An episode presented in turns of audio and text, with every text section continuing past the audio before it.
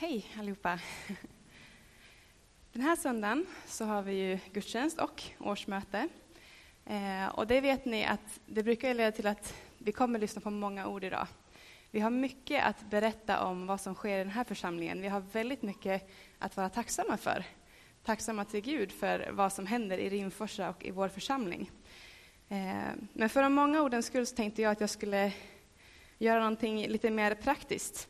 Eh, så ni får titta lite grann också och inte bara, bara lyssna. Ehm, och som ni ser så har jag plockat med mig lite olika saker här. Vi kan kalla det ingredienser. Eh, ja, det är ju kallare nu och det kommer ju säkerligen komma mer snö, eh, även om det börjar kännas som att det går mot vår. Och de här vårkänslorna börjar sippra fram, börjar längta lite. Jag har faktiskt en vän som redan nu har satt frön till purjolök och det har börjat växa. Men riktigt så tidig är inte jag, även om jag börjar se fram emot det. Jag tycker att det är ganska mysigt att göra det på våren, att eh, odla lite grann, stoppa ner små frön i jorden och särskilt tillsammans med mina döttrar ha det som ett litet projekt så där på vårkanten. Och sen få se och följa det, eh, se hur det växer under våren. Jag tycker att det är roligt, men också ganska svårt att gå i butikerna och fundera på vad man ska välja, för jag har inte särskilt stor odling hemma. Jag kan ju bara ha några saker om jag ska lyckas ro det i land. Och då kan det vara svårt att välja vilka frön jag ska ta när det inte är så många. Och ibland så kanske man skulle vilja ha någon blandning av det hela, mixa lite eh, för att få precis det där som man önskar ha. Jag är inte så jättebra på att eh, eh, ja, men korsa växter eller inympa eh, en växt på en annan. Eller, så. eller rättare sagt, jag har aldrig provat det. Jag vet inte hur man gör. Men jag tänker att det tar ju också lite tid att, få, att låta det ske och eh, att det till slut blir den här frukten eller vad det nu kan vara som man vill ha fram. Eh, och jag tänkte att det vore så mycket roligare eh, och lite snabbare om man bara kunde skapa ett eget frö istället. Då får man ju det man vill ha på en gång. Så det tänkte jag att vi skulle försöka med idag att skapa ett eget frö. Då får jag det jag vill ha från början. Eh, så de här ingredienserna tänker jag att jag behöver. Den här fina orkidén fick jag från Linnékyrkan i Kisa eh, när jag avskildes som pastor här. Och den har precis blommat om, som ni ser. Jag tycker den är jättefin. Eh, men jag funderar på hur fin den skulle vara om den hade lite annan färg. Till exempel lila. Så jag tänker om vi mixar de här två så får jag en lila orkidé. Och det kan vara fint. Så det tänkte jag prova. Så jag tar lite blad här från den här orkidén och lite blad från tulpanen och river sönder lite grann, små bitar, för frön är ju väldigt små.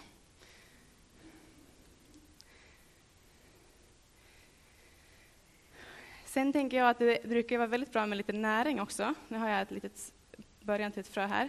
Och jag vet ju att eh, gamla växter dör ju och förmultnar och särskilt med hjälp av lite maskar och sådär, insekter, så blir det ju bra näring. Så jag tog med mig lite halvförmultnade löv här, som jag river sönder och mixar in i det här fröet. Men för säkerhets skull så har jag lite konstgjord näring också, ifall att. Men jag kan inte ta för mycket tror jag, för då blir det nog lite väl starkt.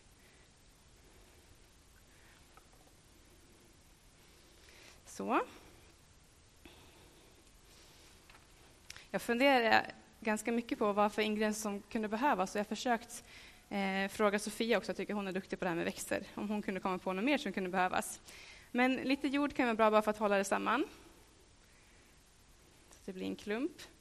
Och så vatten såklart. Här, en liten boll, eller ett stort frö, hur man nu vill, vad man nu vill kalla det. Och sen har jag ju, som i ett sånt här proffsigt tv-program, har jag ju förberett lite. Så jag har en kruka här med jord i som jag tänkte att jag planterar här i. Vi tar lite vatten först.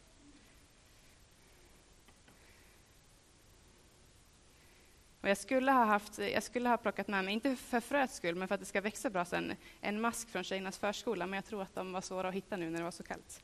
Så jag försökte inte ens. Men så stoppar jag ner det i krukan här. Jag har faktiskt till och med förberett mig lite servetter så jag inte behöver vara så väldigt skitig sen. Så, och sen ska ju den här, jag vet inte hur mycket det hjälpte. Den här ska jag vattna lagom mycket, den ska få stå i lite solljus och sen ska jag prata lite grann med den också, för det har jag hört att det är bra. Lite koldioxid och lite vattenånga sådär så mår växterna bra. Jag pratade med Siri och Nora om det här innan och frågade dem om de, om de trodde att jag skulle kunna skapa ett frö. Och Nora ropade ja, rakt ut. tänkte det, det kommer bli jättebra. Och Siri sa ja, kanske. Jaha, så jag, varför, varför kanske? Nej, men jag vet inte om det går, så därför säger jag kanske. Så hon var lite mer restriktiv. Vi får se. Vad tror ni? Kommer det bli en vacker lila orkidé av det här?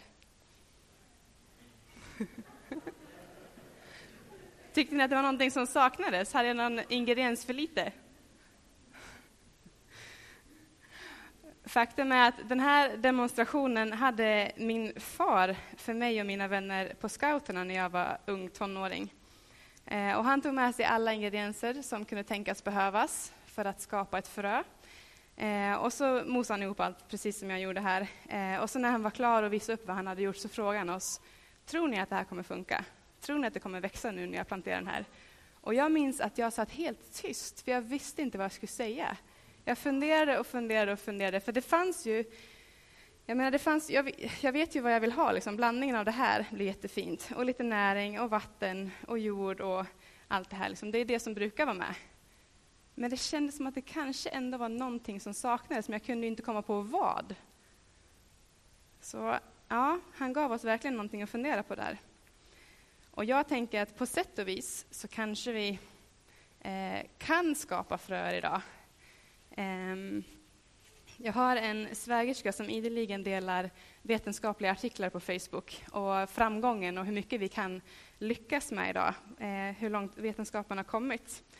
Eh, och visst, det kanske inte är så vetenskapsmännen skulle benämna det, att de skapar fröer, men ändå så kan vi, vi kommer ganska långt på det området. Vi kan, eh, ja, men vi kan föra utvecklingen framåt ganska väl när det kommer till biologi och kemi till exempel. Men så länge vi inte tillsätter någon ingrediens i det här fröet som redan bär på liv, så tror jag nog inte att det kommer växa.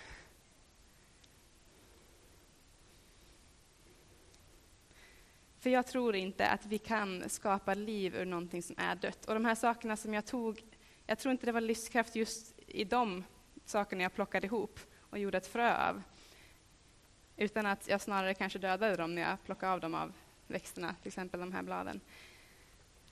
Jag har svårt att tro att vi kan skapa liv på ett sådant sätt. Oavsett hur välmatchade ingredienser vi har, hur långt vi har kommit i det tänkandet, Eh, så behöver vi ändå livskraftens källa för att det sen ska växa och gro. Vi kan reproducera liv på, på de mest påhittiga sätt, men inte skapa liv från någonting som är dött. Det här är det tredje temat på eh, Jesu uttalande om att jag är vägen, sanningen och livet. Livet kommer ifrån Gud och det är Gud som är källan till liv, källan som ger livskraft. Siri och Nora kommer förmodligen bli lite besvikna när jag förklarar att det kanske inte kommer växa, eller så kommer Siri säga det var ju det jag sa. Men jag tänker att det blir ändå en bra demonstration för dem eh, vad, varifrån, eller rättare sagt från vem livet kommer var källan finns. Och kanske kan jag också genom att prata om det eh, lyckas på något vis också förklara om det här, det här syskonet som ligger i magen. Att det kanske det inte enbart är skapat av deras mamma och pappa, utan att Gud faktiskt har gett liv, att gåvan är från Gud. I första boken i Bibeln, i Första Mosebok, eh, så beskrivs det hur Gud skapar världen, växterna, djuren, människorna, allt det här. Eh, och det går att diskutera hur själva texten ska tolkas, om det är bokstavligt eller om det är poesi och så vidare. Men den viktiga poängen i de här texterna är ju vem som ligger bakom det. Vem som är skaparen. Och det finns i texterna också hintar om varför allt skapades.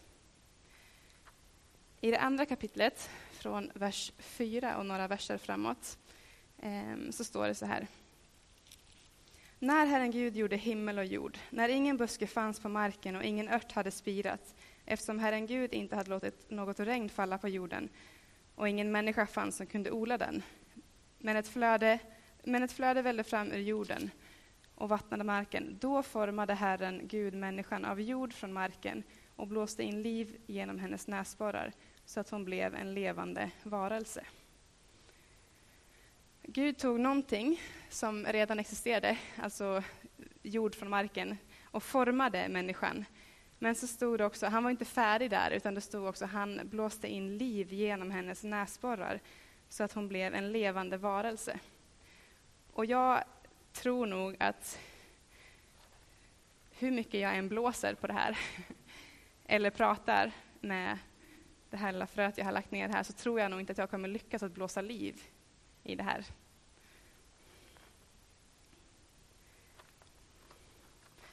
Efter att Gud skapade människan eh, så fick människan till uppgift att fortsätta föröka sig, att sprida livet vidare. Och det mandatet har vi ju fortfarande idag. Eh, vi har relativt nyligen firat jul eh, och påmint oss om det budskapet.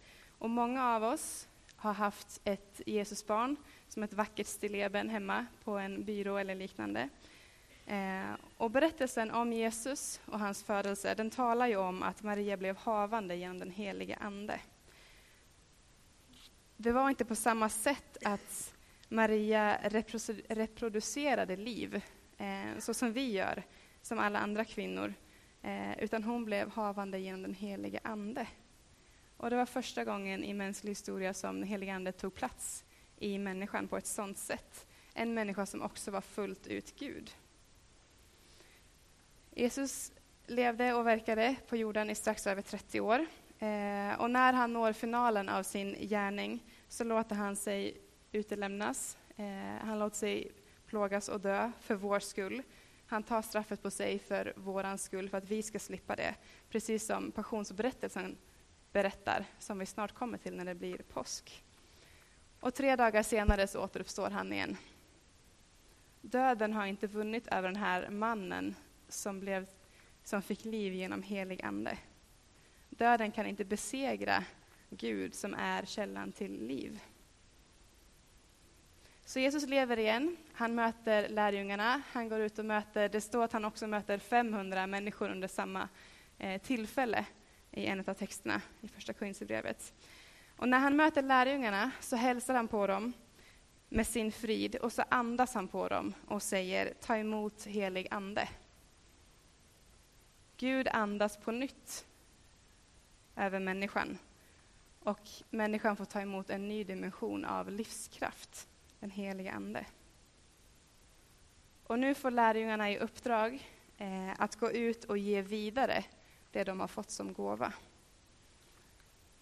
En av mina allra käraste berättelser från Bibeln kommer från Apostlagärningarna 3. Eh, Jesus har lämnat lärjungarna. Eh, med himmelsfärden, han har återvänt till himlen. Eh, den första församlingen är grundad. Eh, helig ande har utgjuts över det här nya folket. Och Petrus och Johannes är på väg upp till templet för eftermiddagsbönen. Och när de är på väg och passerar in genom den här sköna porten, som den kallas, så möter de en man som brukar ligga där, som har varit lam sedan födseln. Eh, och han ber dem om en gåva, som han brukar göra med dem som passerar förbi. Och det står att de här männen fäster blicken på mannen och att Petrus säger, se på oss. Silver och guld, det har jag inte, men det jag har, det ger jag dig. I Nazaren Jesu Kristi namn, stig upp och gå säger han till mannen. Och så tar han tag i mannens högra hand, reser honom upp och det står att mannen får på en gång stadga i fötter och vrister och börjar genast gå. Och därefter så berättas det om hur den här mannen följer med dem in i templet, hur han hoppar omkring och prisar Gud. Och att många människor såg detta, som visste vem den här mannen var. Att han tidigare hade legat där vid sköna porten, lam från födseln. Petrus och Johannes gav vidare vad de hade fått som gåva. Det liv de själva fått ta emot, det gav de vidare och den här mannen blev frisk genom helig ande. Jag tycker att det är en otroligt vacker berättelse. Jag tycker också att den är väldigt befriande, inte bara för mannen som var lam men nu har fått stadga i sina fötter, utan befriande även för mig. För Gud uppmanar inte mig att jag ska skapa någonting eget och ge vidare, utan den här berättelsen talar om för mig att det jag har fått ta emot som gåva, det kan jag få ge vidare. Jag kan inte ge liv till någonting på egen hand, men jag kan få föra det liv vidare som jag själv fått ta emot. Och nu när vi fortsätter den här gudstjänsten och årsmötet och får lyssna till och bli påminda om flera återblickar på året som varit här i Brokyrkan, eh, våra verksamheter, vår gemenskap, så får vi bli påminda om att det är Gud som ger livet. Vår församling är helt fantastisk. Vi är många människor här med väldigt skilda bakgrunder, skilda egenskaper, personligheter, gåvor, allt det här. Vi engagerar oss, vi ger våra hjärtan in i saker och ting. Och allt det här goda, vårt engagemang, våra intressen, våra hjärtefrågor, våra gåvor, allt det här är goda ingredienser som Gud får ge liv till. Gud är livets källa och vi har fått till uppgift att ge vidare det här livet. Och det upplever jag vara både uppmuntrande och befriande. Att livet kommer ifrån Gud. Paulus säger, vad är Apollos, vad är Paulus? Tjänare som fört er till tro, var och en med den gåva han har fått av Herren. Jag planterade, Apollos vattnade, men Gud gav växten. Så under fortsättningen av den här dagen, låt oss vara tacksamma för vad Gud har gjort under året, det liv han har gett, och låt oss också be att vi ska få fortsätta se livet spira i den här församlingen och här i Rimforsa. Gud är livets källa och vi får vara med och ge livet vidare när vi också fått ta emot det själva som gåva. Vi ber tillsammans och så kommer vi senare att lovsjunga tillsammans och kom ihåg i bön det ni blir, det ni blir påminda om i, i, när ni ber om församlingen och vad som har hänt under året. Tacka Gud för det. Och så ber vi också om fortsatt liv. Gud, tack för att vi får bli påminda om att det är du som är livets källa. Att det är från dig som livskraften kommer. Att det är du som skapar liv och att du ger oss den, det mandat att vi får föra det vidare. Att vi får ta emot liv ifrån dig, liv i överflöd, och vi får ge det vidare.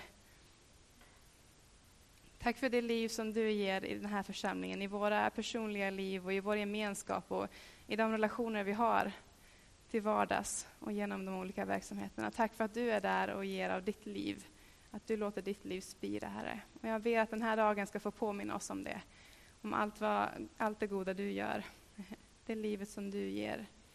Och låt oss få se hur det fortsätter spira och växa här i vår gemenskap, här i Rimforsa, under kommande år också, Herre. Vi lägger vår församling, våra liv och Rimforsa i dina händer och ber om din vilja. Låt din vilja ske, Herre.